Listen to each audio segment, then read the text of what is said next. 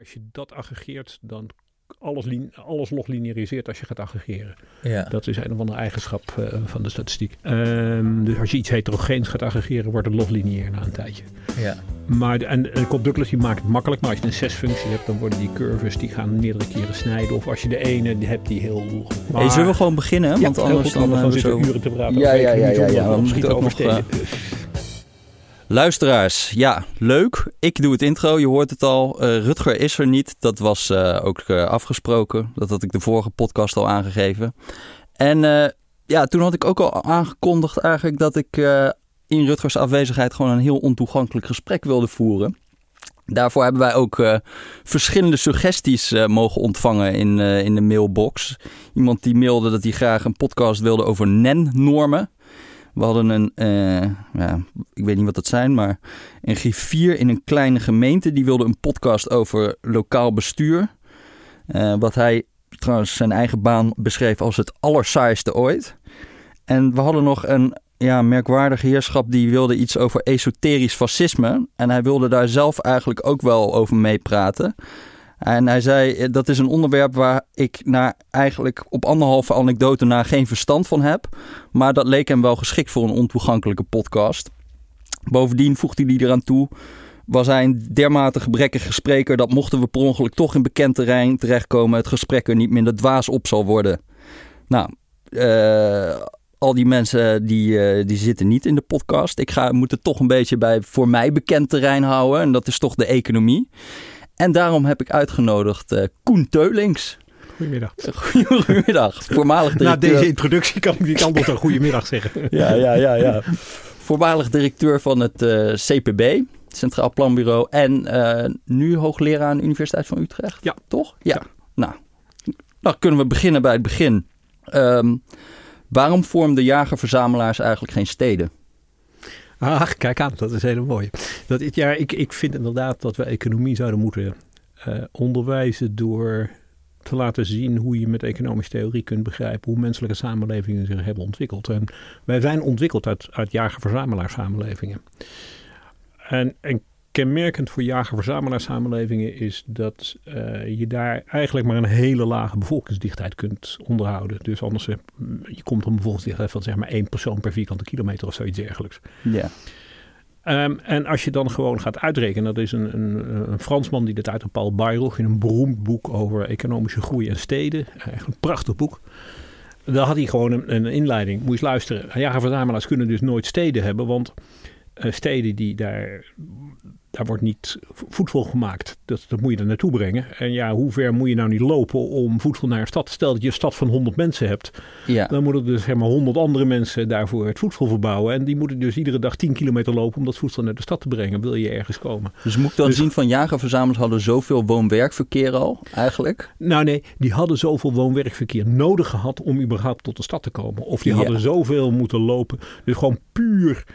Uh, het, de lage bevolkingsdichtheid om te beginnen had het onmogelijk gemaakt om de voedselproductie, die altijd niet in de stad, of in ieder geval zeker toen, niet in de stad kon plaatsvinden, maar gewoon landbouwgrond nodig had, of grond nodig had, ofwel om te jagen, ofwel om uh, graan te verbouwen. Mhm. Die dichtheid kon je nooit bereiken in een jager-verzamelaars samenleving. Dus waren er toen geen steden. Ja, en als je nou kijkt naar die eerste uh, landbouwsamenlevingen, dan uh, ja, mensen gaan zich op een gegeven moment wel in een stad vormen. Maar van wat we eigenlijk weten van hoe dat leven was in een stad toen, kostte dat mensen veel meer tijd om dat eten te produceren dan als jager-verzamelaar. Er was allemaal ellende die gepaard ging met steden, uh, epidemieën, uh, ja, geweld. Ja. waarom Waarom zou jij als econoom, waarom zouden mensen die keuze dan maken? Ja, nou, dat is een hele goede vraag. Uh, dit, in zekere zin, ik, ik, doe met Bas van Bavel tegenwoordig onderzoeken. Dat is hartstikke leuk. Dat gaat over deze vraag precies. Ja. Um, de, um, dus het eerste wat je zegt is helemaal waar. Steden, um, pas rond 1900 geloof ik, of 1800, zo ergens in de 19e eeuw, kunnen steden zich qua bevolking zelf in stand houden. Tot die tijd moest de stad ieder jaar mensen importeren want het leven in de stad was gevaarlijk.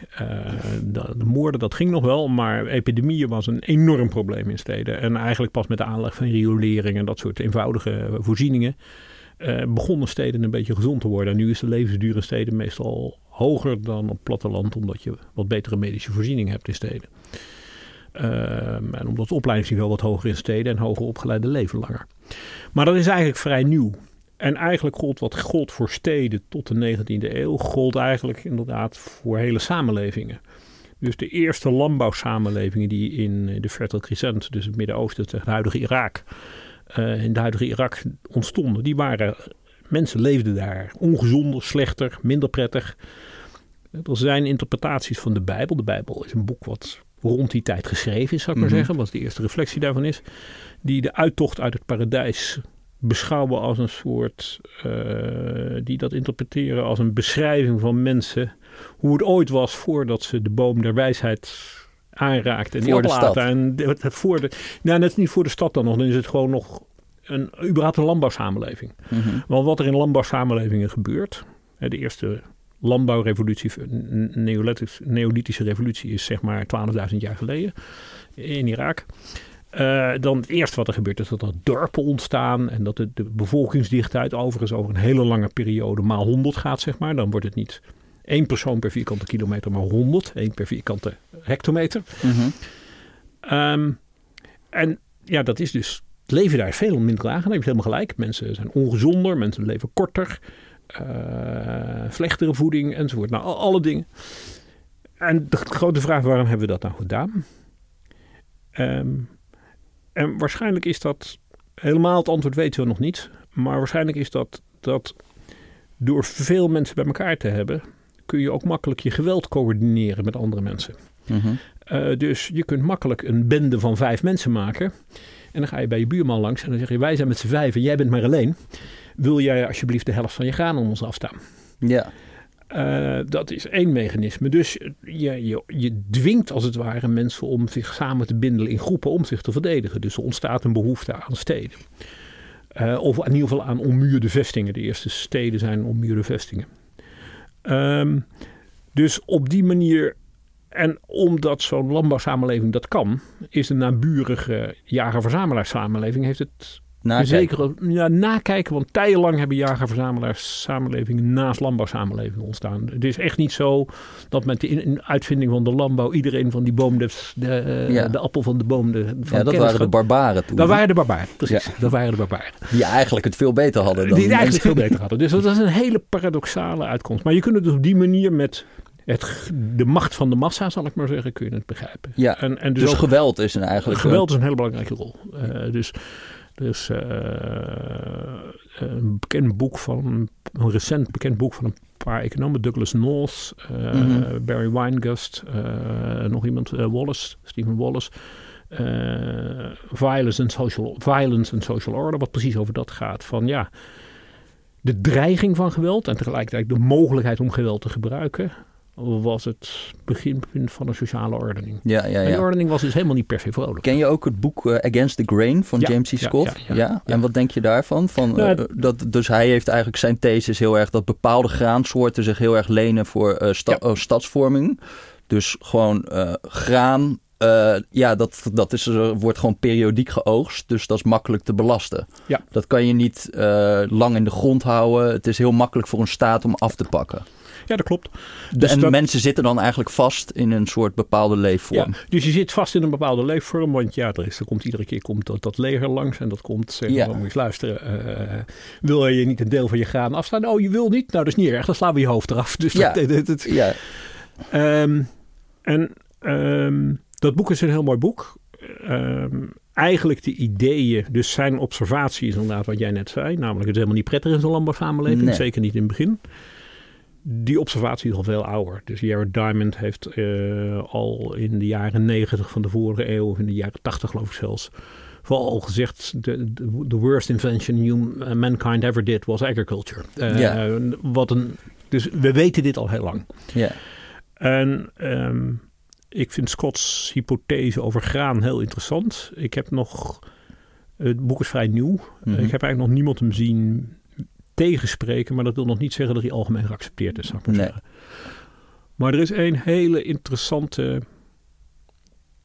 analogie. Kijk, dat is eigenlijk wat mijn onderzoek drijft. Dat er in de geschiedenis heel veel wetmatigheden zijn. Veel meer dan historici tot recent dachten. Uh, de, die landbouwrevolutie, de neolithische revolutie, is zeg maar op tien plaatsen in de wereld is die gebeurd. En op vijf van die tien plaatsen is ongeveer hetzelfde gebeurd. Vier plaatsen is zo recent geweest dat we dat niet precies kunnen doen. Eén plaats is uitzonderlijk, dat is Nieuw-Guinea. Nieuw-Guinea heeft al 8000 jaar geleden of zo een, neolithische revolutie gehad. En daar is eigenlijk nooit enige staatsvorming van betekenis geweest. Ik bedoel, antropologen, de mhm. mensen die onderzoek doen naar jager-verzamelaar samenlevingen, gingen altijd in Nieuw-Guinea kijken. Want daar was alles nog heel primitief. Terwijl het toch wel een, een gebied is waar al 8000 jaar landbouw bedreven wordt. Ja. Maar ik denk dat in die zin, dat heeft nog niemand heeft dat geobserveerd. Maar dit, is mijn hypothese nu dat klopt met Scots verhaal. Want in Nieuw-Guinea hadden ze alleen maar knolgewassen. Uh, ik geloof jam en cassave of zoiets. Ja, ja, ja, en, en, geen graan. Dus, dus niet graan of rijst. Dus wat bijna overal, staatsvorming. Ja, wat bijna overal de basis is van staatsvorming. Dus en in China en in India en in uh, Amerika. Dus in de, in de Andes en in Mexico en, en in Irak is dat de beginpunt van staatsvorming geweest. Ja, ja, ja. Oké, we gaan even 20.000 jaar uh, naar de toekomst. Ach ja. Ik, uh, ik, uh, ik zat laatst een interview te lezen met uh, de Rijksbouwmeester, dat is Floris Alkemade. Ja. En die was, die was niet zo positief over steden. Eigenlijk, nou ja, net zoals James C. Scott. Hè? Ja. Maar die zei, de combinatie rosé-cappuccino is moordend. Het is de definitie van de hel. Hoe leuk is het om in de Randstad te wonen als je voor hetzelfde geld als een vorst kunt wonen in, in een prachtig gebied? En ja, kan jij dat aan mij uitleggen? Van waarom willen mensen in vredesnaam samen klonteren op een heel klein stuk grond? Waarom betaal ik drie ton voor 50 vierkante meter als ik ook gewoon in Oost-Groningen kan wonen op 150 vierkante meter? Maar waarom vraag je het aan mij? Waarom vraag je niet aan jezelf? Want jij woont ook in Amsterdam, neem ik nou, ja, goed. Ja, Je, dit, dit, is een interview, Koen. Ja, oké, oké, oké. Nee, maar dit is natuurlijk... Ja, dit... Verstedelijking, we, hebben het, we hadden het net over die ontwikkeling. Het blijkt dat in de wereldgeschiedenis, komen we dadelijk vast nog op terug altijd de groei, de, de innovatie, de nieuwe dingen zijn, komen altijd uit steden. Dat is in de hele wereldgeschiedenis dat het geval geweest. Ehm, en um, ja, waarom willen wij in steden wonen? Waarom wil jij in steden wonen? Waarom woon ik in Amsterdam met heel veel plezier? Nou, bijvoorbeeld omdat ik bij mijn buurt allemaal hele interessante mensen tegenkom. Uh, die wonen daar mijn buren. Ik heb heel veel goede vrienden en bekenden opgedaan, gewoon in de buurt rondlopend. En uh, ja, sommige mensen kende ik al langer, maar die kwam ik dan daar voor het eerst tegen. Uh, dus, dus, kende ik van naam, maar had ik nog nooit gezien. En die kwam ik daar tegen en dan raak je in gesprek en dat is allemaal heel leuk. Uh, ik woon vlakbij het concertgebouw. Dat is, uh, nou, we weten uit onderzoek dat de nabijheid van het concertgebouw je grondprijs enorm opdrijft in die omgeving. Dus mensen willen heel graag in de buurt van culturele voorzieningen wonen. Ja, waarom is dat? Ja. Dat heet, nou, er zijn twee grote factoren. Uh, dat zijn zeg maar productie en consumptie, noem ik dat maar even voor het mhm. gemak. Punt 1, ik, je kan makkelijker een baan vinden in Amsterdam. Dus de stad is een arbeidsmarkt. De stad, de stad is een arbeidsmarkt. Nou werk ik toevallig in Utrecht, dus bij mij klopt dat niet. Ja. Dus ik woon eigenlijk in Amsterdam vanwege, nou gedeeltelijk omdat ik er altijd gewoond heb, maar vanwege een consumptiemotief. Ja. Dat is de andere kant. En dat consumptiemotief is van alles en nog wat. Dat is dat ik makkelijk hier naar dit gesprek kan komen. Mhm. Eh, is dit consumptie? We zijn hier productie aan het draaien. Uh, goed, productie. ja, ja, ja, dat, is nee, dat is een slecht voorbeeld. Maar dat ik makkelijk met iemand af kan spreken, bij kan praten. dat er mooie winkels om de hoek heb. Dat ik makkelijk een avond naar de film kan of naar een voorstelling. En dat ik een heel... Dus dat... En dus de strategie, de onderzoeksstrategie die er heel makkelijk op kunt toepassen, allemaal haken en ogen, maar is kijken naar grondprijzen. Dus we kunnen de grondprijzen per vierkante meter grond in, in Nederland zijn redelijk goed bekend. Mm Die kun je gewoon uitrekenen door naar, naar de NVM-site te gaan en daar alle woningtransacties te bekijken. En daar ja, want dat hebben jullie gedaan, hè? Hebben Twee, twee publicaties. Ja, Dat heb ik, ja. Uh, nou, dat is hartstikke leuk. Dan kun je voor iedere postcode 4, dus er zijn iets van 4000 postcode 4 gebieden in Nederland kun je de grondprijs uitrekenen. En dan kun je kijken wat nou bepaalt dat die grondprijs op de Herengracht uh, veel hoger is dan Bellingwedde. Ja. En, nou, Want dat is natuurlijk zo dat als je gewoon zo'n uh, zo'n Herengrachtpand naar Oost-Groningen zou slepen, dan zou het, zou het niet zoveel waard zijn. Laat staan dat het, het zal ook nooit gebouwd worden daar. Maar... Ja, nou, nee, dus dat is uh, de beroemde makelaarswijsheid. Ja. Er zijn drie factoren, locatie, locatie, locatie. Ja, ja, ja. En da- dat is dus, je kunt dan die locatiefactoren, kun je gewoon, ik ga bijna zeggen, uitrekenen. Ja, En dus wat daaruit komt is dat dingen als dus culturele voorzieningen in je omgeving is heel belangrijk. ja. Veel monumenten in je omgeving is ook heel belangrijk. Ja, je wil heel graag wonen op die Herengracht. Ja, tegenwoordig niet meer vanwege de toeristen, maar vroeger wel. Ja. Ehm, de, eh, een goed winkelaanbod is heel belangrijk. Eh, nou, dus allemaal dat soort voorzieningen maken. Het is wel allemaal- grappig, want mensen zeggen van, van je zal in de culturele sector veel mensen krijgen die zeggen van alles van waarde is weerloos. Maar als je dan dat boek van jullie leest, Ja, dan word je- dan, de- dan denk je van jongen, jullie onderschatten jezelf. Je, je Dit, eh, jezelf geest. zeg maar de, de hoeveelheid waarde die zo'n concertgebouw of, zo'n, eh, of Ja. die musea toevoegen aan de hele stad in grondprijzen, Ja. is werkelijk waar krankzinnig. Is en ik geloof het bijna niet Ja. eigenlijk. Nee, dus daar heb ik me ook wel eens zitten afvragen hoe dat dan bij mij zit. Als ik kijk, dan is de nabijheid van het concertgebouw maakt, laten we zeggen, voor de waarde van mijn huis een paar ton uit of zo. Twee, ik weet, één of twee ton, ik weet niet, ik heb het niet precies uitgerekend. Ja, Dat kan je bijna niet geloven, want Nee. ik, la- laat ik nou, ik ga af en toe naar het concertgebouw, laten we zeggen, eh, vijf of tien keer per jaar. een hoge Maar ticketprijs. een hoge ticketprijs wordt het dan. ja. Dus daar zitten ook allerlei andere dingen komen daarmee samen, maar het maakt heel veel uit. Ja. En dus dat zie je ook natuurlijk als je een gemeentebestuur, niet in wat ze zeggen, maar in wat ze doen. Die st- besteden heel veel aandacht aan culturele voorzieningen. Toen Amsterdam de oostelijke eilanden op de kaart wilde zetten, toen hebben ze het muziekgebouw het eind neergezet. Juist, ja. Gewoon als een symbool van, kijk, hier gebeurt het. ja. Hier kun je veilig investeren. Wij als gemeente gaan dat niet. Ai, ja. AI, dat is dan Noord inderdaad. Ja. Nou, je ziet ook daar is prompt gebeurd. ja. Eh, dus er wordt ook echt beleid gemaakt op kunst. En dat Mhm. is te begrijpen. Ehm, en gewoon meer in het algemeen heeft de culturele sector de neiging zichzelf te onderschatten. Want het is een van de groeisectoren van de economie natuurlijk. We, we denken altijd dat het zielige oude business is. Maar dat is niet zo. Ik denk dat als je naar de werkgelegenheid kijkt, hangt er al heel erg vanaf hoe je dat definieert. Wat culturele sector is en wat niet. Maar daar werken steeds meer mensen. ja.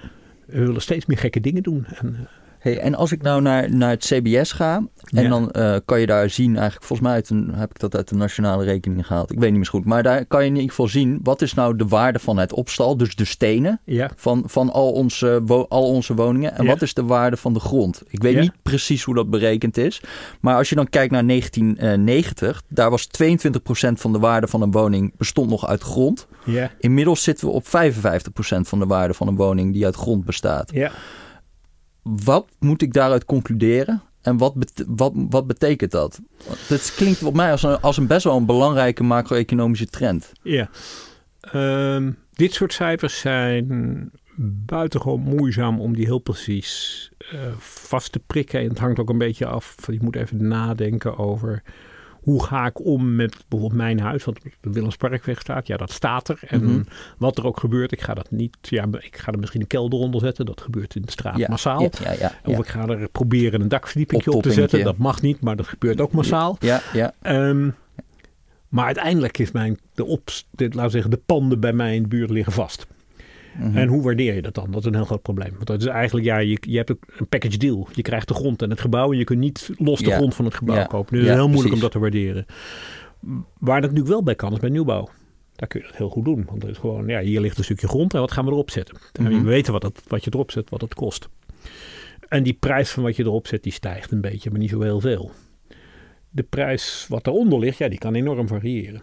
Dus Mhm. dan zegt de prijs, en naar de mate dat we dus de prijs van vastgoed enorm stijgt, stijgt voor de nieuwbouw de prijs van de, de prijs, het aandeel van de grond in de totale opstal. In Ja. de totale waarde van het opstal. Wat jij noemt 55% lijkt me buitengewoon veel. ja. Ehm, kijk, internationaal is het ergens tussen de 20 en de 40 procent. En als je bij 55 procent zit, dan is er iets mis. Dat, Ja. dat, dat kan niet goed zijn. Maar misschien Eh, is er iets mis, toch? Ja, dat zou kunnen. Nou goed, daar komen we vast toch. Ja, ja, ja, ja. ja want wat, wat mij opviel, kijk, het kan altijd een soort van statistisch artefact zijn van hoe ze dit hebben berekend. Maar als Ja. je kijkt bij de grond van kantoren bijvoorbeeld, Ja, daar is het stabiel 20% al, al sinds 1990. Dus zou je misschien kunnen zeggen, ja, ik weet het niet hè, ja. maar omdat het aanbod van kantoorgrond eh, enorm, ja, daar is vrij, vrij postig mee omgegaan door lokale overheden. Dat is heel makkelijk uitgegeven. Dat zie je ook gewoon in de cijfers. ja. Terwijl het grond van woningen zie je steeds meer ja, moeizame ruimtelijke ordening, eh, veel problemen om wonengrond te krijgen, eh, beperking van aanbod. Ja, kijk, een van de dingen die heel erg belangrijk, die heel erg bepaalt dat de verhouding bij kantoren tussen grondwaarde en opstalwaarde uh, min Mhm. of meer stabiel is, is dat als de grondwaarde toeneemt, dan gaan we er meer verdieping op zetten. Ja, precies. Dat is een, een, een- een gouden regel. Ga kijken op de Zuidas, daar staan alleen maar hoge gebouwen. Juist. En dat, dat heeft een reden. Maar dat kan natuurlijk ook bij woningen, maar dat doen we niet.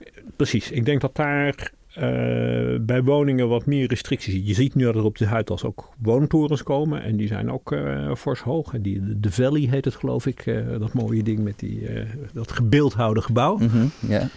Ehm, daar zie je van, ja, dat is, ik, ik weet niet hoe hoog het is, zal 20 verdiepingen zijn of zoiets dergelijks. Dus daar begin je ook al in de hoogte te bouwen. Maar over het algemeen zijn we bij woningbouw veel terughoudender. En hebben we de neiging om aan de rand van Amsterdam toch eigenlijk gewoon weer een, eh, een oude eh, urban, eh, suburban eh, village te bouwen, zal ik maar zeggen. En niet te denken, dit is het begin van de grote stad. Dus ja, hier moet je in hogere dichtheden bouwen. En Ja. bouw je niet één, onder, één of twee onder een kap of, of, een, eh, of een wat beter rijtjes uit. Nee, hier bouw je gewoon een gesloten bouwblok.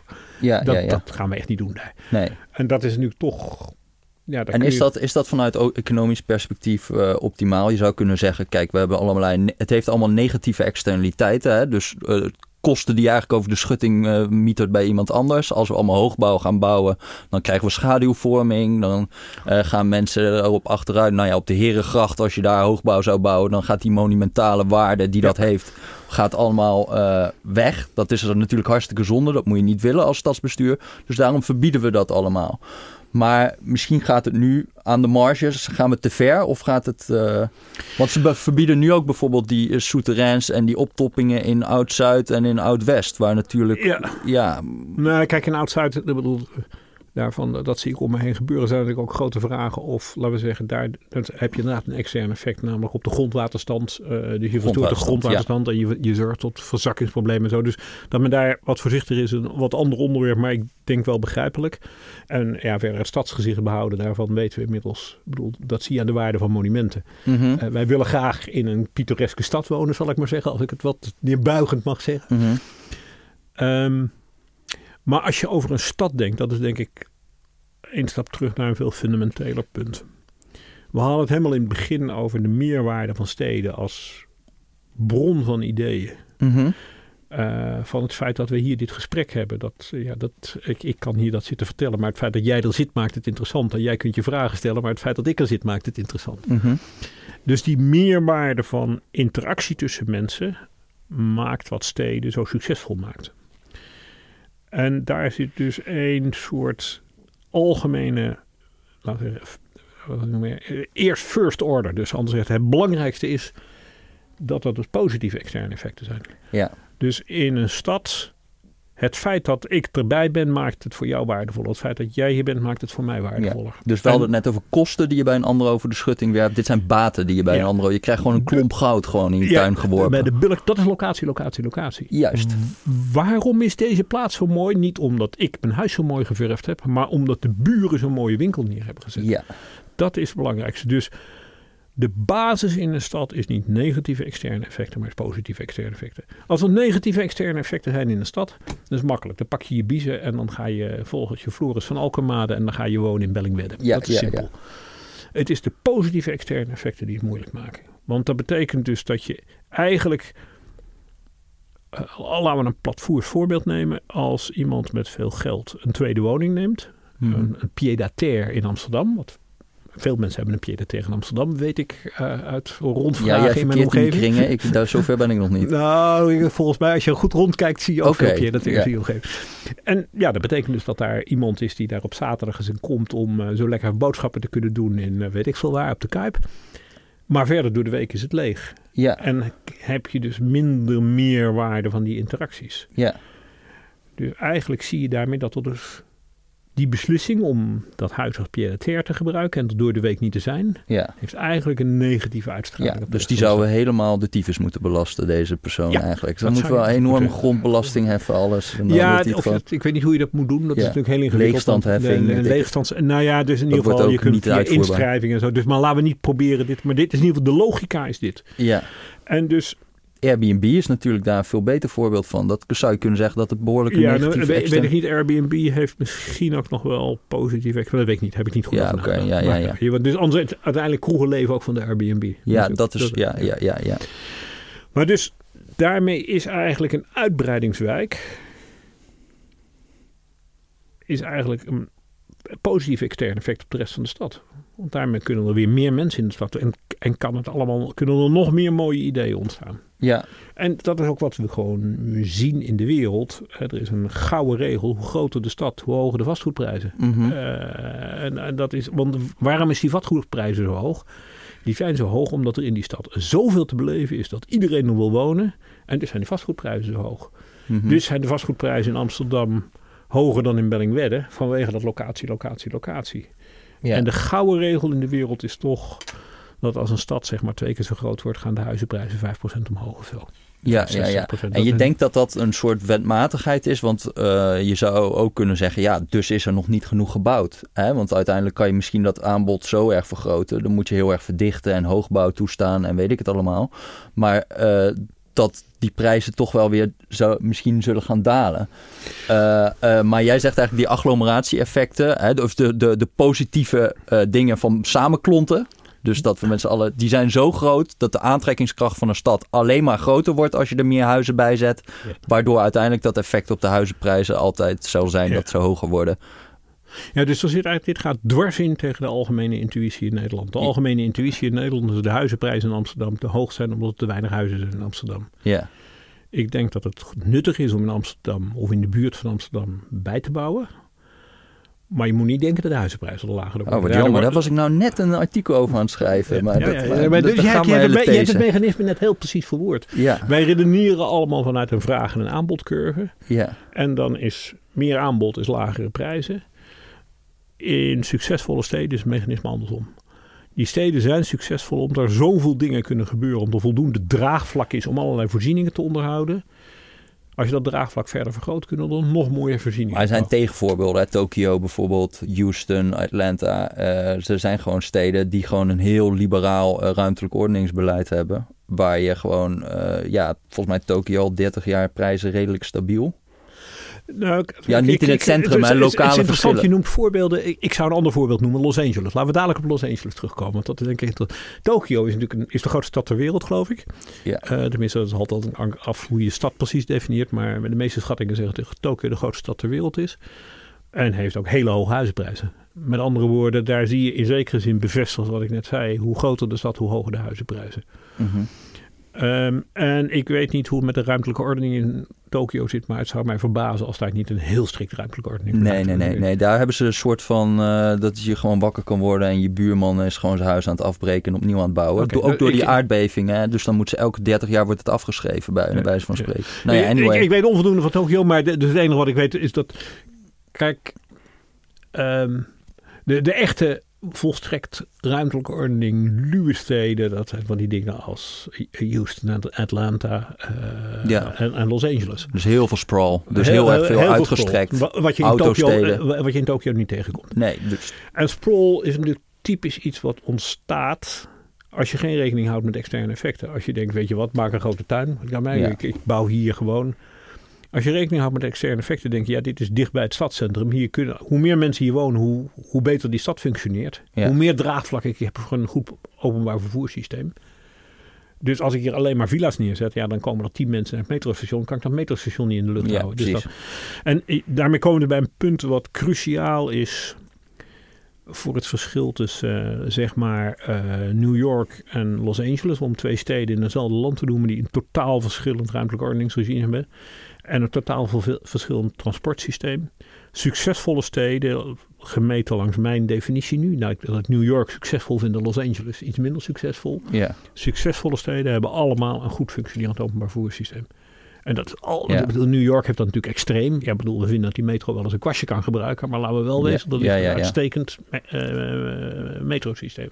En je zit daar natuurlijk ook heel erg vast aan eh pet dependency. Hè? Of dus, dus bijvoorbeeld, ik heb wel eens gehoord bij Atlanta dat die eigenlijk evenveel kilometer metrolijn hebben als Barcelona. Ja. Maar dat slechts 3% van de bevolking binnen 500 meter van een metrostation woont. En in eh, Barcelona was het om en nabij 60%. Met evenveel kilometer metro. Dat is natuurlijk, eh, dat heeft te maken met dat het al een autostad is. En dat is ook niet met de, daar kan je niks meer aan doen bijna. Nou, het is heel interessant om naar Los Angeles te kijken. Los Angeles had ooit had het eerste metrosysteem ter wereld. Of het, nou nee, niet het eerste, want dat is Ja. Londen. Maar als, als een van de eerste metrosysteem.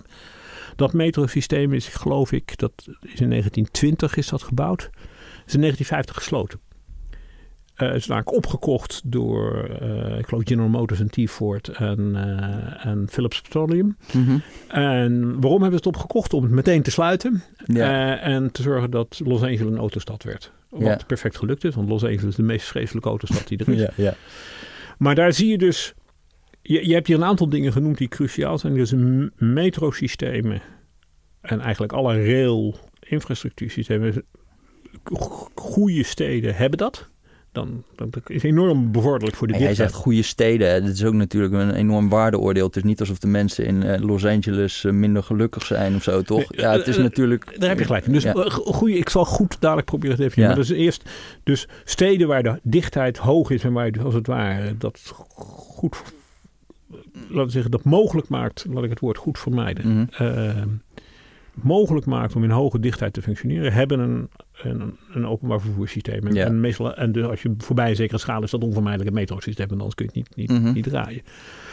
En dat vereist een hele sterke overheid. Want je, er som- er zijn ook wel metrolijnen privaat aangelegd. Maar in ieder geval is er altijd interactie nodig tussen wat er ondergronds gebeurt en bovengronds. Want zo'n metrostation echt kan alleen maar uit als je in de buurt van het metrostation vervolgens niet uh, villa's bouwt, maar, uh, maar high-rises. Mhm. Uh, nou, dat, dat, dat, dat zie je ook. Um, dus je moet als het ware een interactie hebben tussen de aanleg van metro's en de, de urban planning boven de grond. Mhm. Ik weet niet hoe ze dat in Tokio gereden. Ik weet gewoon onvoldoende van Tokio. Maar de, wat ik daar zie is in ieder geval Ja, dat is uh, dat ja. dat ook gebeurt. Dus op een of andere manier zal er wel iets gepland worden. En je ziet dus dat dat in Los Angeles eigenlijk vanaf 1950 afgebroken ja, je hoeft dat op zich niet. Kijk, zeg maar, als je een metrostation neerlegt, gaan die grondprijzen die vliegen de lucht in rond dat metrostation. Dan gaan ontwikkelaars vanzelf al denken van hier moeten we iets mee. Het is Toch? interessant wat je zegt. Toen uh, men Canary Wharf probeerde te ontwikkelen in Londen. Mhm. Uh, dus dat moet zijn geweest ergens in de tachtige jaren. Toen kwam dus de financiële sector, die kwam naar Thatcher toe. Die was toen prime minister. Ja, ja, dit willen we graag.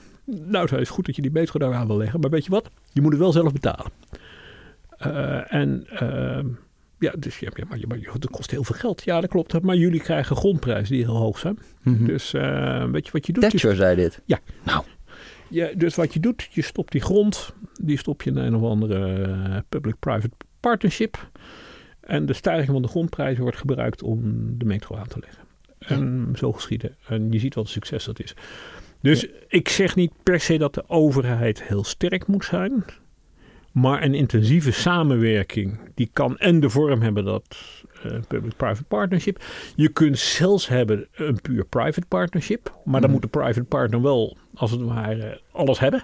Ja. Of in ieder geval met een beperkt aantal partijen samen één plan maken. Mhm.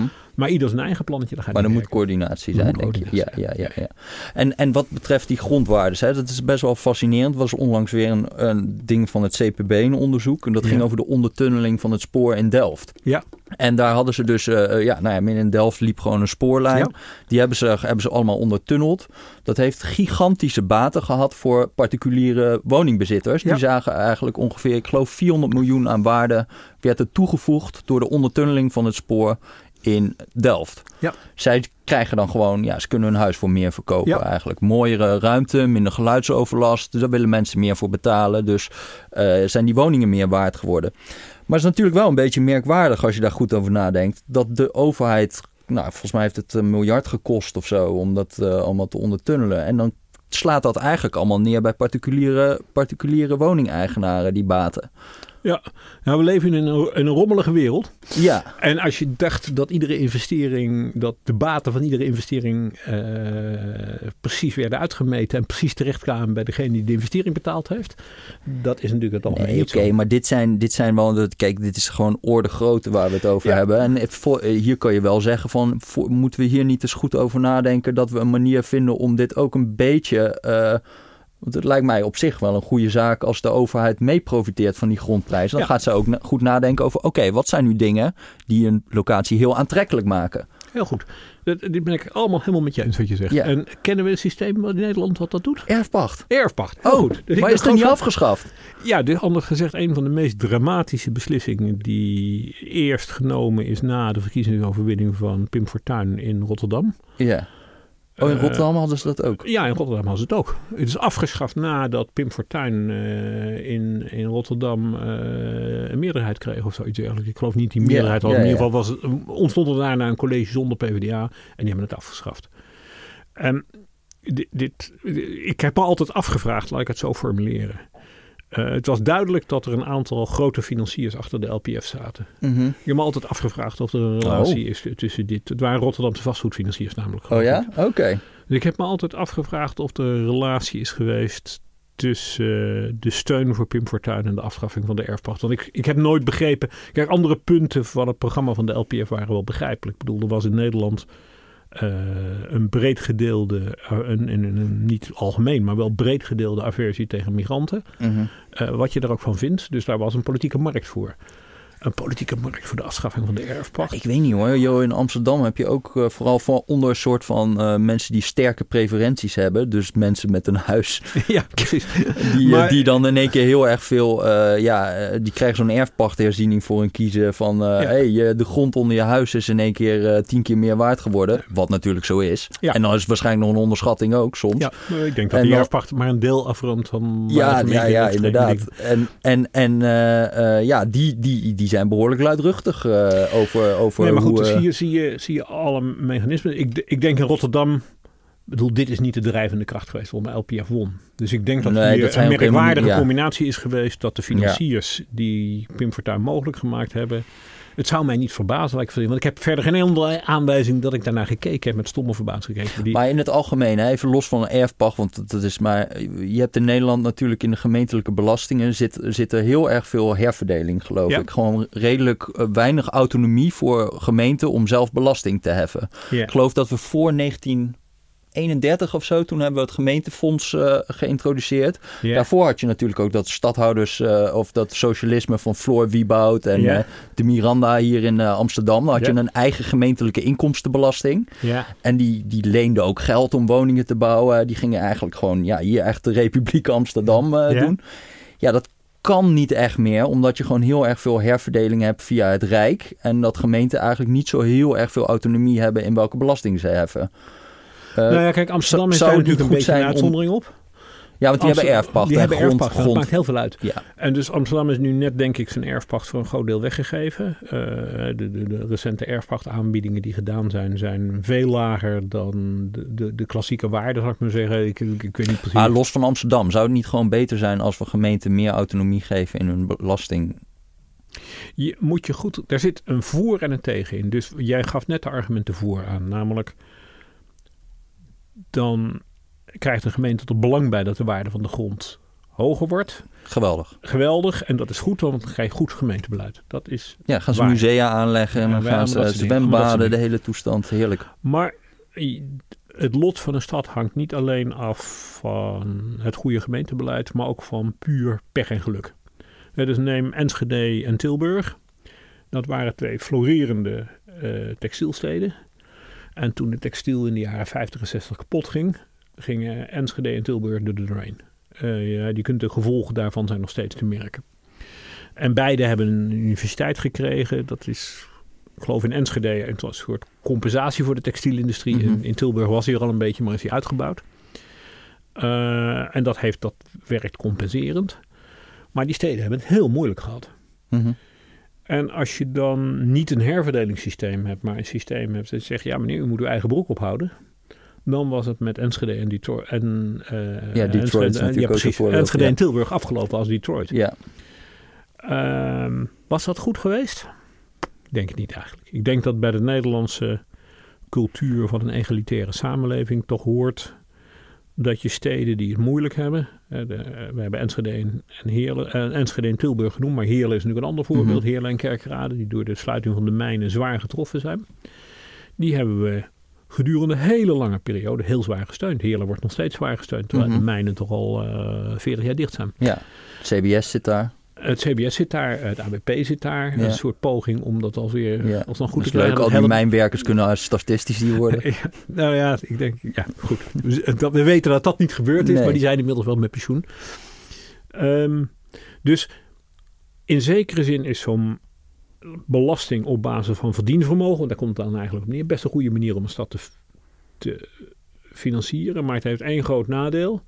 Je wil eigenlijk ook iets van verzekering hebben. Het risico dat jij toevallig tegen de textielsluiting aanloopt en dat heb je toch niet echt in de hand. En dan als stad door down the drain gaat, Oké, Dat maar dat begrijp ik. Maar zitten bij de huidige marges dan op een soort van optimaal punt? Van is die verzekeringspremie te groot, te klein?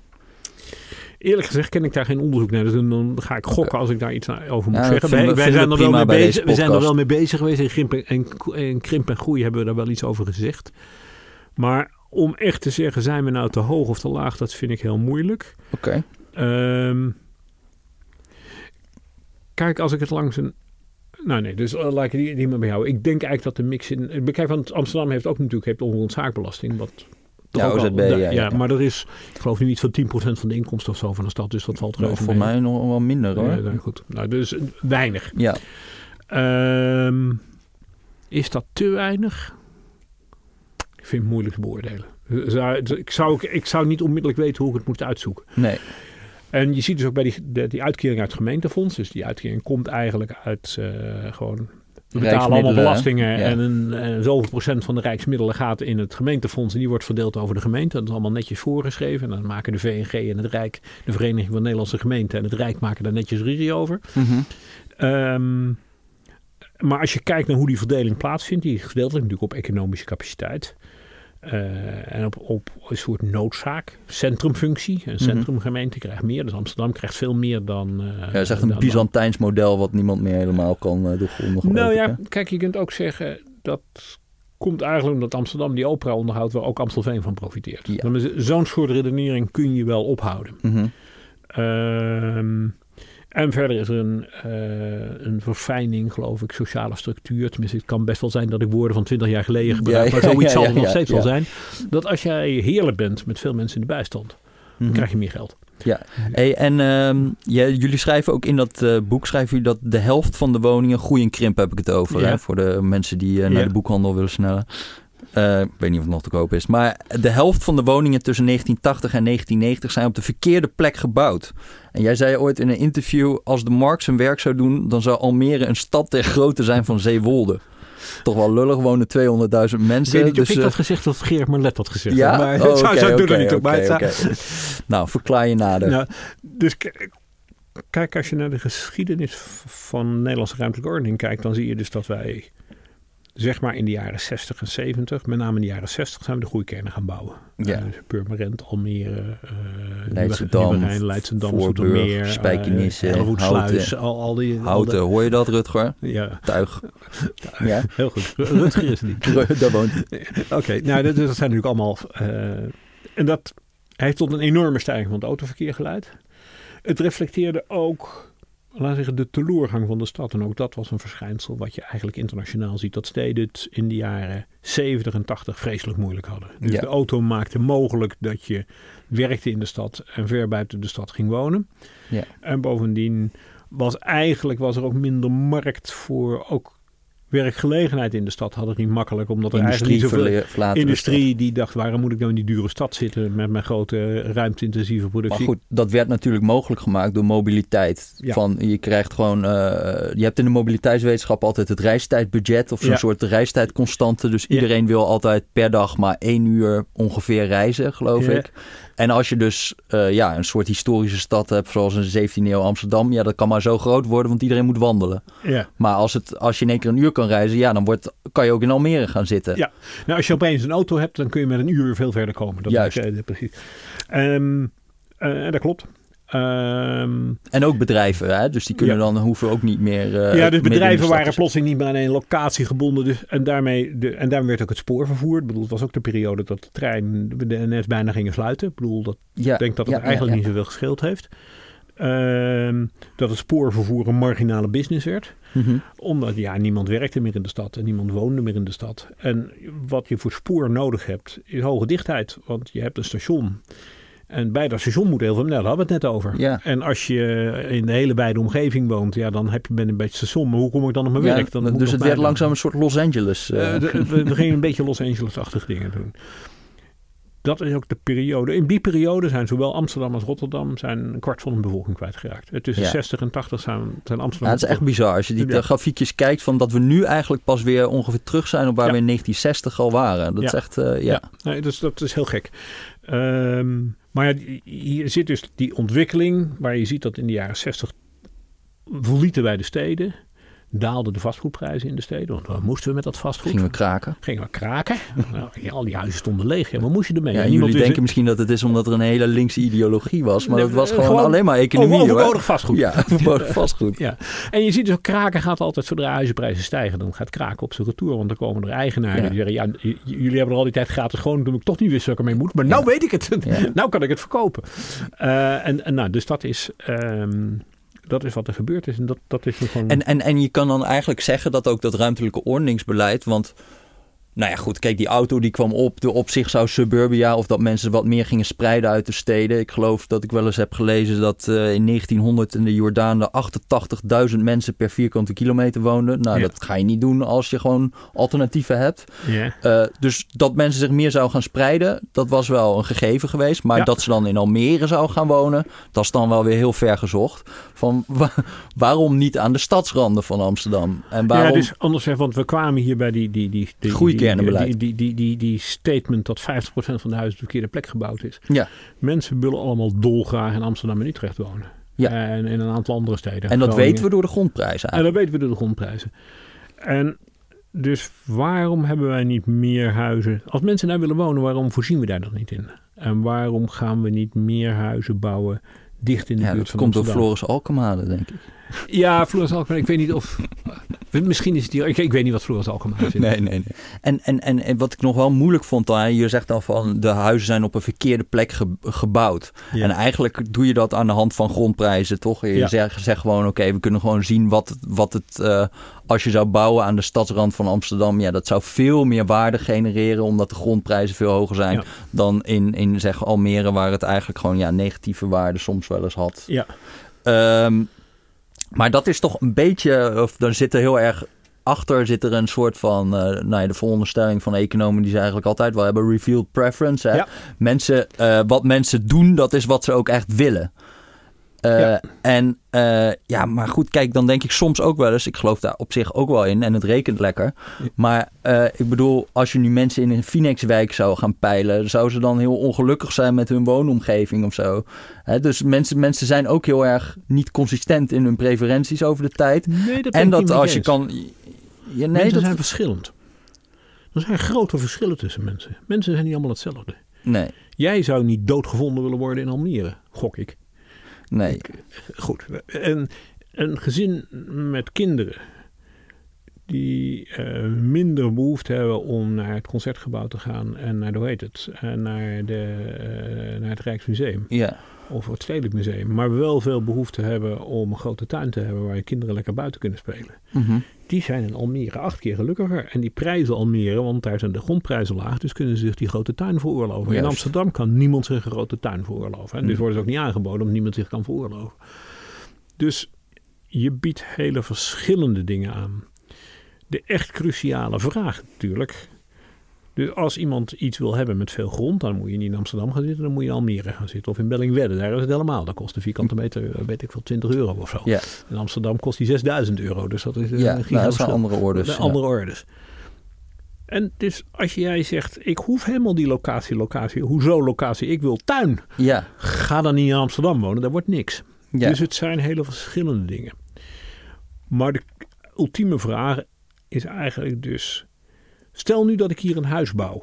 Ik heb hier een plot grond, dan ga ik een huis opbouwen. 40 vierkante meter. Nou, dat is wel erg klein. 100 vierkante meter. Mhm. Nou, laten we zeggen, een vierkante meter huis. Wat kost dat? 1000 euro of zo. Dat wisselt natuurlijk heel erg wat voor soort huis. Maar dit is een, een redelijke balpark. Anders gezegd, door dat huis op die plot grond te bouwen, ja, dat moet de plot grond dus minstens een ton meer waard worden, anders kan ik het huis niet betalen. Juist. En dus eigenlijk nog veel meer dan de waarde van de grond is de waarde, is de toegevoegde waarde van het huis is maatgevend. Kun je met het creëren van een huis op die plot voldoende meerwaarde genereren om het huis straks te kunnen betalen? Mhm. En ik denk dat in veel gevallen dingen die gebouwd zijn bij kleinere dorpjes, dat eigenlijk in veel gevallen niet zo makkelijk was. Mhm. Nou, de markt is natuurlijk genadeloos. Uh, een projectontwikkelaar die kijkt naar platgrond en zegt: Nou, als ik hier nou eens een huis opbouw, hoeveel zou ik er dan voor krijgen daarna? Ja. En die kan goed rekenen. En als hij daar niet een investeringswaarde voor terugkrijgt, dan zal hij het niet doen. Bij de overheid ligt dat wat moeilijker. De overheid heeft wat meer kan af en toe gewoon om politieke redenen, en dan politiek bedoel ik dat, uh, uh, laten we zeggen, uh, de regio Overijssel, de regio Rotterdam of Amsterdam krijgt zoveel woningbouwlocaties toegewezen. Dan wil Overijssel ook wat. En dan wordt er in Overijssel ook wat gebouwd. Terwijl er waarschijnlijk in Overijssel helemaal niet zoveel vraag ja. is naar die dingen. En dat geldt ook in, in Oost-Groningen. Daar is toch in veel gevallen eerder te veel gebouwd. Vaak ook in een poging om de vergrijzing tegen te gaan en nieuw bloed binnen te halen. Maar ja, dat nieuwe bloed wil niet zo graag in Oost-Groningen wonen. Dus je kunt beter denken, hoe maak ik zo'n samenleving, stem ik die af op wat het is? Namelijk vergrijzing, dat is onvermijdelijk een deel daarvan. En dalende bevolkingsdichtheid. En hoe kan ik het dan toch daar zo prettig mogelijk maken? Ja, dan kom je van die dingen als openbaar vervoer op maat. Uh, winkels, meer thuisbezorgservice met winkels en dat soort toestanden. Nou, mm. Ik heb er allemaal niet zo verstand van, maar mm. je moet in die richting zoeken en niet tegen de, tegen, tegen de, de stroom in gaan. proberen te, te, bouwen. Dat lukt je niet. Ja, ja, ja. Oké, okay, toch even nog een paar zachte kanten van de stad. Um, als ik nou de liefde probeer te vinden, hè, moet ik dan naar de stad? Ja, dat weet je. Nou, de, de prachtig onderzoek wat met Pieter Gauthier ja, en, ik, ja. Michael Svaren, ja, ik wist waar je naartoe uh, gedaan. Dat is echt, echt een van de leukste papers die ik ooit gemaakt heb. Ja. We hadden data over de bevolking van Denemarken. En echt uh, van die Scandinavische data, waar duidelijk nooit jodenvervolging geweest is, waar alles geregistreerd wordt. Ja. Dus wij konden mensen bijhouden uh, over lange, ik geloof 40 jaar of zo, kan me niet meer precies herinneren. En wat we daar gedaan, en daar konden dus bijhouden met wie ze relaties hadden. Met Ja. wie ze een relatie hadden. Eh, en we hadden ook iets van een, een sociaal-economische status. Dus ja, dat hebben we altijd inkomen. En opleidingsniveau kun je mensen wel een beetje ja, naar iets van een statusindex eh, waarderen. En we hadden ze ingedeeld in vijf klassen. Mhm. En dan was de vraag van, ja, hoe, waar vinden mensen hun partner? En, en Denemarken is nog veel extremer als Nederland. Daar heb je het platteland, dat is zeg maar heel Denemarken. En je hebt Kopenhagen. Ja, Eh, ik bedoel, Aarhus is ook nog wel een stad, maar dat lijkt toch meer op een dorp dan een stad. ja, ja. Dus daar is eigenlijk maar één stad. En het bleek dat eigenlijk iedereen zijn partner vond. Iedereen werd over het hele land geboren. En rond je achttiende trok je naar Kopenhagen. Daar vond je dan je levenspartner. En dan trok je weer terug naar plat. Zodra je dan een beetje getrouwd was, vijf na, jaar nadat je een partner had, woonde de meerderheid weer op het platteland. Hm. Ehm, behalve de hoogste, de hoogste van de vijf sociale statusgroepen, die bleven in, in Kopenhagen achter. Dus met andere woorden, voor de mensen die echt heel erg afhankelijk zijn van ideeënuitwisseling, en dat is met name dat, dat hoogste quintiel, daarvoor is de stad cruciaal, dus die blijven in de stad. Mhm.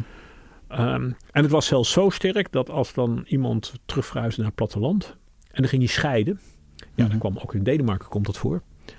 Dan verhuizen die weer terug naar Kopenhagen om een nieuwe partner te vinden. Het is heel sterk. Dus het is, eh, ja, dat is natuurlijk ook een typisch voorbeeld van externe effecten. ja. Eh, Is dat consumptie of productie? eh, dit, eh, ik zou dit consumptie klassificeren. Eh, en want mensen in de stad scheiden ook vaker, toch?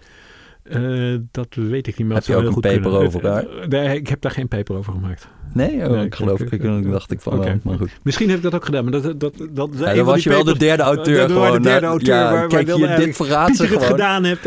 en, ik, ik geloof dat we, ja, ik herinner me nu dat we er ook vaak iets maar ik weet helemaal daar de conclusie niet eens meer. Die Oké. andere, daar hebben we echt uitgebreid met z'n tweeën over zitten praten. Dat was hartstikke leuk. Oké, dan hebben we nog een nieuwe sectie in deze, een rubriekje in deze podcast. Dat heet overgewaardeerd of ondergewaardeerd. En ik noem iets.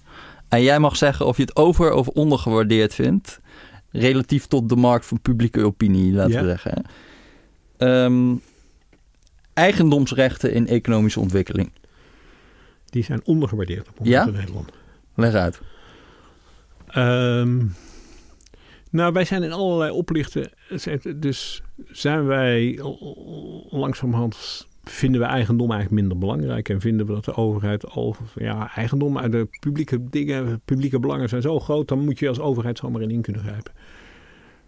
Dat denk ik niet. Ik denk je als overheid goede regels moet maken, maar niet naar willekeur moet ingrijpen in eigendomsrechten. Want het idee dat private partijen ehm, ergens iets bezitten en daarover nadenken en daar het nut, iets nuttigs mee doen, een enorme drijvende kracht in de samenleving. Het is onzin te denken dat de overheid alles kan. Dat kan niet. Maar kun je ook Heel zeggen dat eigendomsrechten een sta in de weg zijn voor de markt soms. Dus bijvoorbeeld een voorbeeld zou zijn patenten.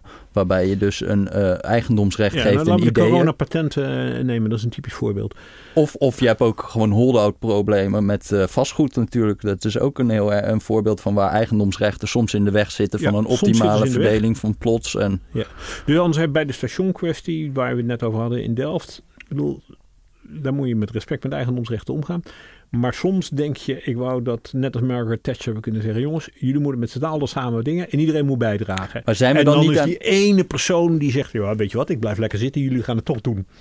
Eh, Ja, ja, ja. En ik profiteer gewoon gratis mee, die personen bestaan. En dan zou je wel wetgeving willen hebben die er iets aan kan doen. Dat Want zijn we niet bij de huidige marges in de westerse samenleving een beetje doorgeslagen in die eigendomsrechten? Als je kijkt naar eh, zeg China of zo, dat ze daar gewoon nog een eh, stad, dan gaan ze ook niet moeilijk doen als daar een dorpje in de weg, eh, in de weg staat of Ja, zo. dat vind ik geen goed teken. Ik bedoel, dat, dat is een van de dingen, je, je kunt van alles Robert. Moses in New York, die kreeg in de jaren 60 Ja. nog wel eens wat gedaan. En nu is het allemaal vastgelopen NIMBYisme en Dus eigendomsrechten. daar zie je in zekere zin de waarde van eigendomsrechten. Ik denk dat het goed is dat Robert Moses... Dat dachten we in de jaren 60, dat we vonden we Robert Moses ja, hij ging misschien een beetje te ver aan die marge, werd het ook weer een beetje doorgeslagen. Ja. Maar, Maar, aan de andere kant, dat Jane Jacobs gelijk had. nou, eh, hoe bedoel je? Is dat dat hele Greenwich Village, wat zij zei van, nou zie je wel, oude huizen die zijn eh, allemaal zo, je ziet dat het allemaal minder waard is en dan wonen er leuk kunstenaars. Nou, Greenwich Village kan je nou 5 miljoen betalen, wil je daar Ja, wonen. dus Dus- gelijk te hebben. Bleek heel nuttig Ja. zijn die dingen er blijven staan. Oké, oké. Er zijn gevallen dat je in moet kunnen grijpen in eigendomsrechten. En dat, daar, echt voorbeelden, maar ben er heel voorzichtig Oké, ik zal onder, patent zal ik verder met rust laten. ja, ja, ja. het, eh, onder of overgewaardeerd, eh, het onderwijs. ondergewaardeerd. Ondergewaardeerd. Ja, ondergewaardeerd. Want we hebben nu natuurlijk eh, schoolsluitingen net gehad. Ja. Dus, dat, eh, ja, dus daar, daar gaan we echt wel hindernis van ondervinden, denk je. Ja. Nee, schoolsluiting is heel slecht geweest. En maar meer in het algemeen, ik denk dat de grootste crisis, crisis is een heel zwaar woord, want wij hebben geen crisis en het gaat in Nederland extreem goed. Maar als er nou iets is waar Nederland zich zorgen over zou moeten maken, dan is het onderwijs. Wij, ons onderwijs karrelt nou al twintig jaar achteruit in de, in de internationale rankings. En dat is een zeer ernstige situatie. En een volgend kabinet zou er van alles aan moeten doen om die trend te keren. En waar, wat is de meerwaarde van onderwijs? Mijn onderwijs helpt anderen, jouw onderwijs helpt anderen. Ehm, maar ook dingen als eh, relaties. Hoger opgeleiden scheiden minder. Zijn beter in staat langdurige relaties met elkaar aan te gaan. Hoger opgeleiden zijn gezonder, leven langer. Zijn vaak gelukkiger. Ehm, worden minder crimineel. Maar, en in welke mate denk je dat onderwijs een... eh, een eh, je hebt inderdaad heel veel onderzoek dat zegt van het rendement van een onderwijsjaar is, weet ik veel, in Nederland 7 tot 9 procent, zoiets. Zoiets. Echt, nou ja, dat is fors Dat natuurlijk. is heel hoog. Maar je kan ook zeggen, onderwijs is een positioneel goed. Hè? De waarde van jouw diploma hangt af van hoeveel diploma's anderen hebben. Eh, het, hoeveel van het onderwijs is daadwerkelijk dat jij kennis vergaart... of dat je in een soort stoelendans jezelf een stukje Ja. hoger zet. Dus er is ook veel e- empirisch onderzoek bijvoorbeeld naar sheepskin effects. Ik weet niet of je dat kent. Nee, ik ken de sheepskin effecten niet. Maar Dat, dat komt erop neer van eh, mensen die dan... Zeg maar, elk onderwijsjaar heeft een bepaalde waarde. Maar het behalen van het diploma zelf heeft in één keer een gigantische waarde. Oh ja, dus de- 20 de- de Economen procent. noemen dit signaling.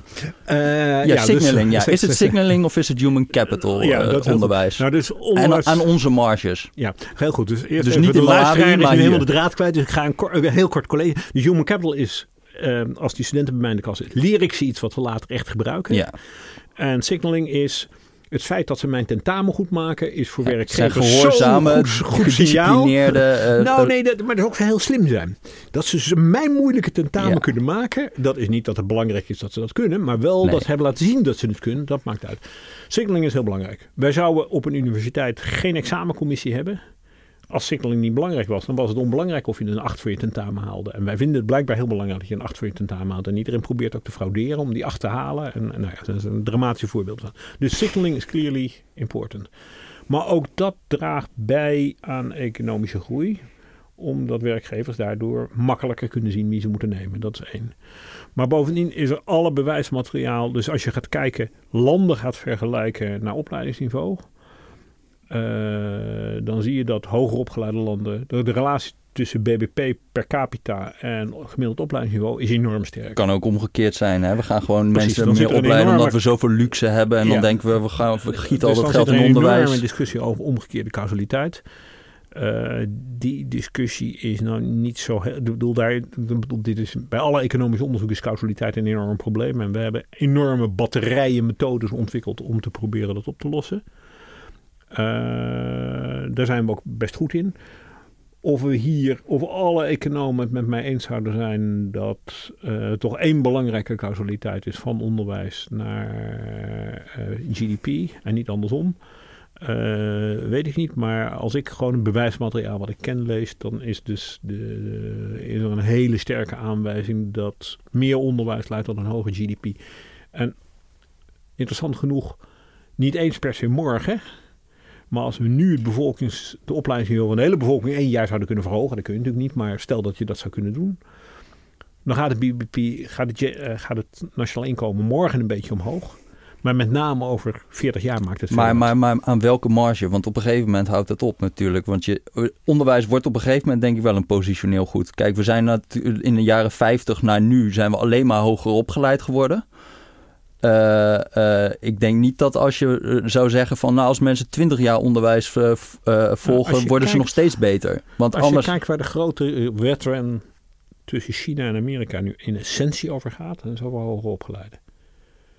De essentie van wat er in Californië gebeurt is wie kan de beste mensen krijgen. En waarom, wa- wat is het maar enorme is, is concurrentie- onderwijs de reden dat mensen beter worden? Of is het gewoon Ja, eh, nee, blootgesteld onder- worden aan werk? Nee, onderwijs, dus eh, experience op de werkvloer maakt veel uit, maar eh, gewoon goed onderwijs maakt ook veel uit. Het is niet voor niks dat rond universiteitssteden, dat daar ontzettend veel nieuwe eh, Ja, dat komt niet door die plaatsvindt. universiteit, maar door het Ja. clusteren van, hoge, van mensen die... Ja, dat klopt. Maar mensen die dus allemaal weer nieuwe ideeën inbrengen. Universiteiten blijven belangrijke broedplaatsen van nieuwe ideeën. Dus, en je ziet dus dat waar China en Amerika over de hoofdwedren is over de best opgeleide mensen. Oké. Dus Volgende, volgende blijft ondergewaardeerd, overgewaardeerd. Ja, een ja. hoge snelheidslijn tussen Groningen en Amsterdam. volstrekt overgewaardeerd. Ja? Niet aanleggen Waarom? geldverspilling. Ja? Omdat als er nou één ding... ehm, een schaalding is, is, een, is een trein. Een trein is, ik stap hierin, want daar is een station. En ik stap daaruit, daar ook een station. Ik kan niet daartussenin. Dus wat is het voordeel van de auto? Ik kan overal instappen. Want het nadeel van de auto, de, de variabele kosten zijn gigantisch. Je moet steeds bredere snelwegen maken om al die duizend auto's overheen te krijgen. Bij een trein, over twee railsjes, kan ik gigantische hoeveelheden mensen. En eigenlijk is Ja. de sky the limit. Dus hoge dichtheid is ideaal voor spoorvervoer. Ja. Eigenlijk is de afstand Amsterdam-Groningen, is, de afstand is te groot en de bevolking in Amsterdam en Groningen is te klein om dit echt rendabel te maken. En voorbij Groningen is niks. Er zijn van die fantasieën om het door te trekken naar Bremen, maar dat is alleen maar een fantasie die in de hoofden van de Groningers bestaat. Maar verder in Duitsland is daar geen enkele belangstelling voor. En hoe kijk je in dit licht dan ook tegen een soort van pleidooi voor Europees treinverkeer op grote schaal? Ja, kijk, Amsterdam-Groningen. Groningen is iets anders dan eh, Parijs of Brussel. Mhm. Dus Amsterdam-Parijs. Maar zijn de TGV en zo wel rendabel? Nee, is ook niet rendabel. Volstrekt niet? Of? Nou, dat, dat, dan, dan kom je weer met externe effecten. Ja, het heeft Amsterdam echt veranderd. Het heeft eh, Frankrijk echt veranderd. Maar ik weet, ik weet niet precies die dingen. Er zijn veel kostenbaananalyses geweest die ik niet goed ken. Uh, name op MIT hebben daar recent, met name naar de aanleiding van de grote investering in hoogsnelheidslijnen in China. Die kunnen over het algemeen goed rekenen. Dus Shinkansen in eh, Ja. Japan, eh, dat zag Ja, ook vrij ook- druk uit. Ja, die ziet er ook altijd druk uit. Maar je moet hoge dichtheden hebben om het de moeite waard te maken. En Groningen is echt kansloos. En Ten meer dat je daar eigenlijk al een verbinding hebt. Je wint op 2,5 uur, ga je terug. Of wat is het nu, twee uur denk ik dat de trein is met de nieuwe Lelystad-Kampenlijn. Mhm. Ehm, ga je, weet ik veel wat, 45 minuten terug. Is dat nou de moeite waard? Nee, Ja. dat is niet de moeite waard. Oké, on- overgewaardeerd of ondergewaardeerd. De empirische revolutie in de economische wetenschap. Ehm, Dus veel meer met causaliteits, eh, de natuurlijke experimenten zoeken. belangrijk. Ongehoord belangrijk. Belangrijk? Ja. Jij bent wel een beetje van de esoterische theorie, geloof ik toch meer. Dus Nou, dat, dat kun, kun je zeggen. Dus anders gezegd, ik ben in die zin een beetje een outcast in de economie. Maar dat neemt niet weg dat ik volstrekt waardeer wat daar gebeurd is. ja. Dus anders gezegd, En de Dus- kritiek dat je toch een beetje dan eh, als de man bent die onder de, onder de lantaarnpaal zit te zoeken naar zijn sleutels, zeg maar. Van, Nou ja, gaat kijk, alleen ik- maar experimentjes. Hou, hou jij working paper serie? Ja, dat doe jij ja, ja, mij. dat doe ik wel. Ja. Ja, nou, als je op de MBR-site of de CEPR-site kijkt, wat je daar aan- iedere week aan working papers uitkomt. Mhm. Er is geen onderwerp of er is niet iemand bezig om daar empirisch onderzoek naar te doen. En de kwaliteit van dat empirisch onderzoek is dramatisch toegenomen in de afgelopen 40 jaar. Uh, door, door inderdaad die, die, uh, die empirische revolutie, door instrumentele variabelen, dus technieken waarmee we beter causaliteit uit elkaar kunnen halen. Dat heeft het vak enorm veranderd. Ja. En voor zover ik esoterische dingen doe, dat, ik ben nu met een paper over minimumloon in Amerika bezig. Dat is alleen maar empirie. Ja, Weliswaar gebaseerd op theoretisch werk wat ik eerder gedaan heb, maar uh, da, da, ja, daar gebruiken we al die nieuwe technieken. En Ja. die zijn enorm krachtig en economen zijn er heel goed in en ook vaak ook doen dat samen met sociologen en psychologen, uh, gebruiken hun technieken, exporteren die naar andere disciplines. En als je praat met andere disciplines, die zijn er ook over het algemeen heel gelukkig mee. Uh, tenminste, als ze geïnteresseerd zijn in empirisch onderzoek. Dus daar, uh, nee, dat, dat, kun je, dat kun je niet moet ik het goed zeggen, dat is heel erg belangrijk. En wat dus, denk je van bijvoorbeeld Len Pritchett, hè, dat is zo'n econoom van het IMF, die heeft een beetje de kritiek op dat dat in die ontwikkelingseconomie heel erg zijn gefixeerd nu op van, ja, we gaan diegene malaria net geven en die niet, en die krijgt een geit en die niet, dus heel veel experimenten. Maar dat je daarmee eigenlijk alleen maar kleine vraagjes aan het beantwoorden bent over, uh, terwijl we weten dat bijvoorbeeld economische groei in China overweldigend veel, uh, uh, ja inkomen heeft gegenereerd voor mensen die daar wonen. Allerbeste armoedebestrijding ooit is. En dat als jij uh, zeg maar 0,0001% van die groei hebt veroorzaakt met een betere economische theorie of zo. Dat je al veel meer, oneindig meer hebt gedaan dan het beste wat die experimenten ons tonen. En dat misschien door die experimenten we een beetje de grote vragen aan het veronachtzamen zijn. Nou kijk, Esther Duflo, uh, de, de voorlaatste ja. die, die is natuurlijk de, de, degene die de, de most vocal, de, meest, meest luidruchtige uh, propagandist van die empirische revolutie. En ook een hele speciale interpretatie daarvan inderdaad. Natuurlijke experimenten in ontwikkelingslanden. Daar zit een moreel, morele kant aan die niet helemaal eenvoudig is. Want waarom doen we dat in ontwikkelingslanden? Omdat je daar incentives kunt geven mensen. Dus een prikkel om iets te doen met relatief weinig geld. Want mensen, kijk, jij reageert niet op een tientje. Dan zeg je, ja, waar maak ik me nou zorgen over? In Pakistan reageren mensen wel op een tientje. Dus je kunt daar heel goedkoop die experimenten doen. Dus dat speelt een belangrijke rol. Tegelijkertijd, ja, bedoel, ik ken Esther Duflo een beetje. En die is diepgaand gemotiveerd door wat er in Afrika gebeurt. Dus het heeft de economische discipline diepgaand in Afrika gebracht. En heel veel nieuwe dingen aan het licht gebracht. Dat is, dat is goed, denk ik. Dus haar malaria-verhaal uh, mm-hmm. uh, is hartstikke leuk. Um, tegelijkertijd heb je natuurlijk gelijk dat de grootste revolutie in de afgelopen 40 jaar in de wereld is in mijn ogen uh, de economische ontwikkeling in China en daarna in India. Mm-hmm. Uh, dus in India is het tien jaar later begonnen. En is het, gaat het iets minder hard dan in China. Maar tot 1980 uh, had 10% van de wereld waren veel rijker dan de andere 90%. En die 10% waren Amerika, Australië en Europa. En nu zie je dat 40% van de wereldbevolking, uh, China en India, dat is ongeveer 40% van de wereldbevolking, denk ik, ik doe het even uit mijn hoofd, maar het zal iets minder, 30% van de wereldbevolking, heeft plotseling aangehaakt. Die zijn gestegen van bittere armoede, met name in China, naar een net middenklasse bestaan. En dat gaat gewoon verder, zou je denken. Die, gaan, die komen nog een stukje verder. Ik denk dat dat inderdaad een enorme revolutie is, waar economie toch eigenlijk wel fors aan bijgedragen heeft. Ik bedoel, Mhm. Deng Xiaoping heeft gewoon geluisterd naar de economen van Harvard en MIT, stiekem. Eh, die heeft ook om zich heen gekeken, want hij zag het succes in eh, Filipijnen. Hij zag het succes, nou misschien beter, Mm. zag het succes in Zuid- Zuid-Korea en Japan. Maar die hebben nou niet helemaal het huishoudboekje van de soort van eh, de, de, de, de Thatcher Reagans gevolgd, toch? Dat zijn gewoon enorme, ge- nou ja, met kartels. En het zijn niet echt staat, het is een behoorlijk staatsgeleide economie in Korea, Japan en China, toch? Ja, maar uiteindelijk is het wel echt markteconomie. En misschien is het nog wel belangrijker dan markt, is eh, openstelling voor de wereldmarkt. Ja, Dus anders gezegd, en daar zie je even eigenlijk opnieuw die agglomeratievoordelen. Ik bedoel, specialisatie en dus aansluiten bij wat er elders in de wereld gebeurt. Jij doet dit, dat doe je heel goed. Mhm. En dat exporteer je naar de hele wereld en allerlei andere dingen importeer je. Mhm. Dat is een hele andere visie dan wat tot nog toe autarkie was, als het ware tijdenlang het grootste goed Ja. waar we naar streefden. En dat schijnen we in Nederland weer te denken dat we autarkisch moeten worden, wat Mhm. een waanidee is. Eh, China stelde zich open voor de wereldmarkt en ging dingen heel goed doen en die exporteren. En andere dingen importeren. Oké, we Ja. gaan door. Overgewaardeerd, ondergewaardeerd. Omslagstelsels zoals de AOW. Omslagstelsels zijn in Nederland ondergewaardeerd. Oké.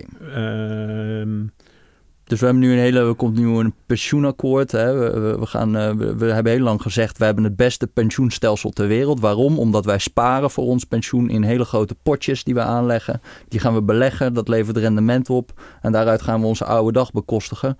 Veel landen om ons heen hebben gewoon eigenlijk staatspensioenen. à la de AOW, alleen dan wat groter.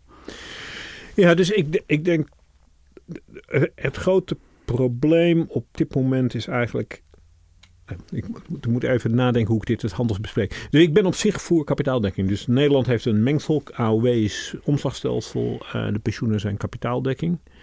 Ehm, maar kapitaaldekking kan zeker in de huidige tijd alleen maar goed functioneren met een zekere mate van een semi-collectief systeem als in Nederland. Je ziet eigenlijk overal dat pure kapitaaldekkingsstelsels op individuele basis slecht functioneren.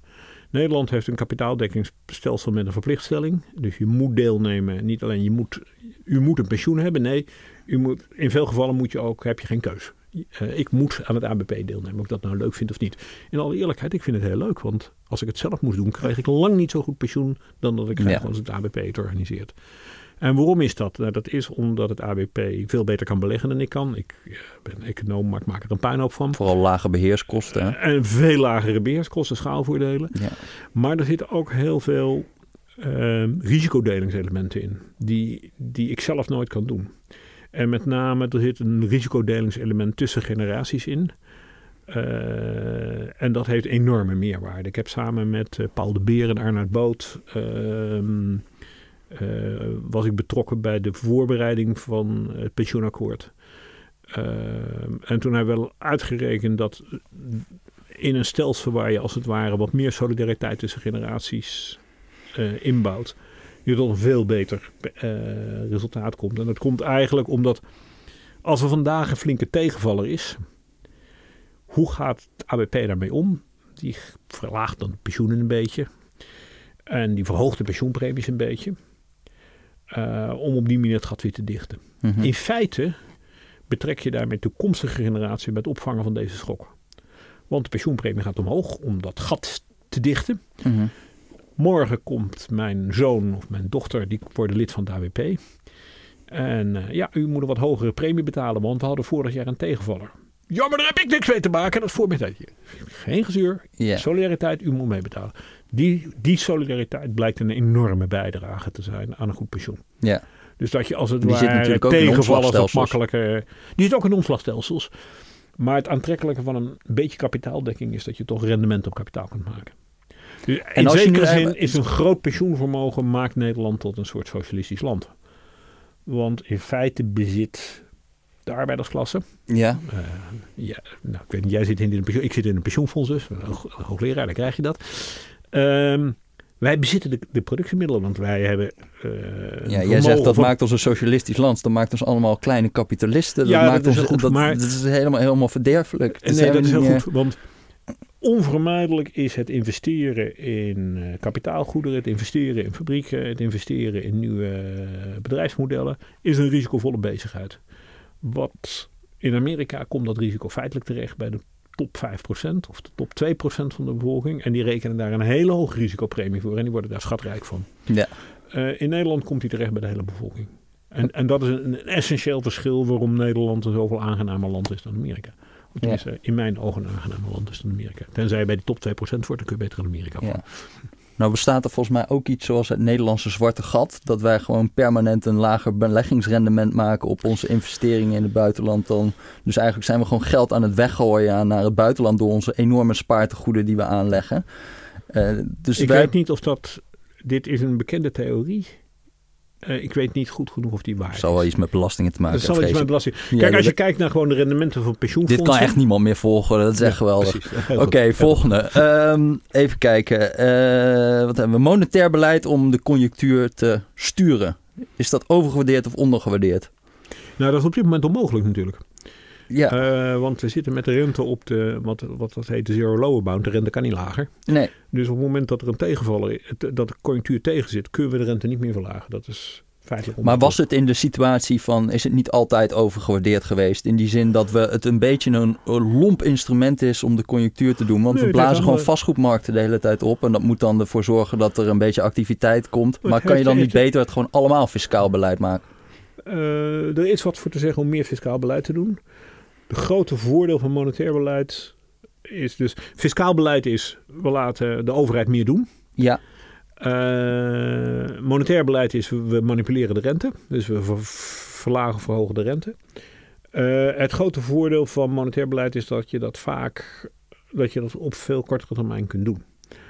Uh, nou, je dus kan de belastingen ook op vrij korte termijn verlagen. Nee, dat lijkt toch altijd weer nog, nog veel lastiger te zijn dan je denkt. Gewoon een check sturen naar mensen. Ja, nou, dat is de, de, de, de, hier helikoptergeld. Ja. Helikoptergeld. Kijk, dus ik zou zeggen, de Washington consensus, om het, eigenlijk in ieder geval laat nou dat monetair beleid, doe een beetje niet altijd, dat, dat conjunctuurbeleid niet al te veel bij de overheid veel te ingewikkeld, is ook politiek lastig. Eer, eerste dingen is, laat het nou de, uh, de centrale bank doen. Ik denk dat daar veel voor te zeggen is. Op dit moment is het kansloos, omdat de rente niet verder omlaag kan.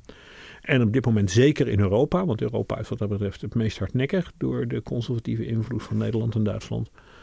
Uh, in Europa heeft veruit de laatste financieringstekorten in de wereld gemiddeld genomen, zeker Nederland en Duitsland.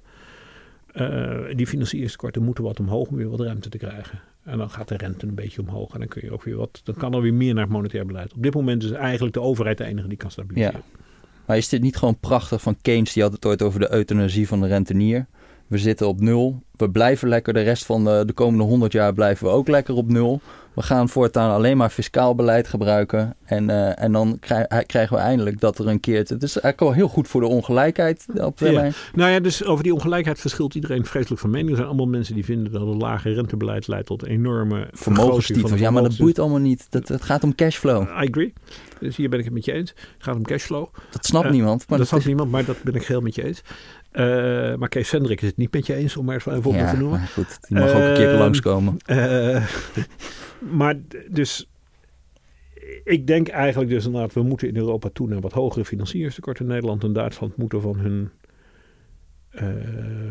diepe perceptie, diepe overtuiging dat lage tekorten goed is, worden bevrijd. Een beetje staatsschuld kan echt geen kwaad en een beetje is meer dan 60 procent. Um, wat dat betreft heeft Europa natuurlijk hele goede stappen gemaakt. Stiekem is de 60% norm is dood. Ik bedoel, -hmm. in Nederland ja, durven we dat niet openlijk te zeggen. Maar die 60% norm komt nooit meer terug in beeld. Uh, en dat is ook als je kijkt in de wereld, wie heeft er 60% staatsschuld? Dat is bijna niemand. En nog veel belangrijker, de 3% maximum voor het financieringstekort. Kijk, ik denk dat je structureel kun je, kun je zeg maar uitrekenen dat je in Nederland een financieringstekort van ongeveer 2,5% dat dat prima zou zijn. Maar ik snap nooit waarom mensen zo enorm op die financiële indicatoren zitten. Waarom is niet eigenlijk de ultieme maatstaf is, krijgen we inflatie of zo? Dus of de reële economie te hard gaat. En wat dat betreft vind ik als, als gewoon uh, oldschool Keynesiaan zou ik op dit moment denken, ik ben, maak me een beetje zorgen. Mensen hebben het over een herstelplan terwijl we 3,4% werk, werkloosheid hebben. Dit dreigt bijna een beetje te overhitten. Terwijl iedereen nu, ja, iedereen zit te erg op die financiële spreekt, indicatoren. Je spreekt jezelf niet tegen, want we hebben inderdaad weinig werkloosheid, maar ook weinig inflatie. Dus anders gezegd, vanwege de lage inflatie nee, zou je... oké, okay, vooruit, ja. Dus, maar ik denk dat mijn verhaal is eigenlijk... Maar als je nog meer de geld er tegenaan wil gooien op dit moment, nou ja. Nee, dat, dat lijkt is- mij dus anders gezegd.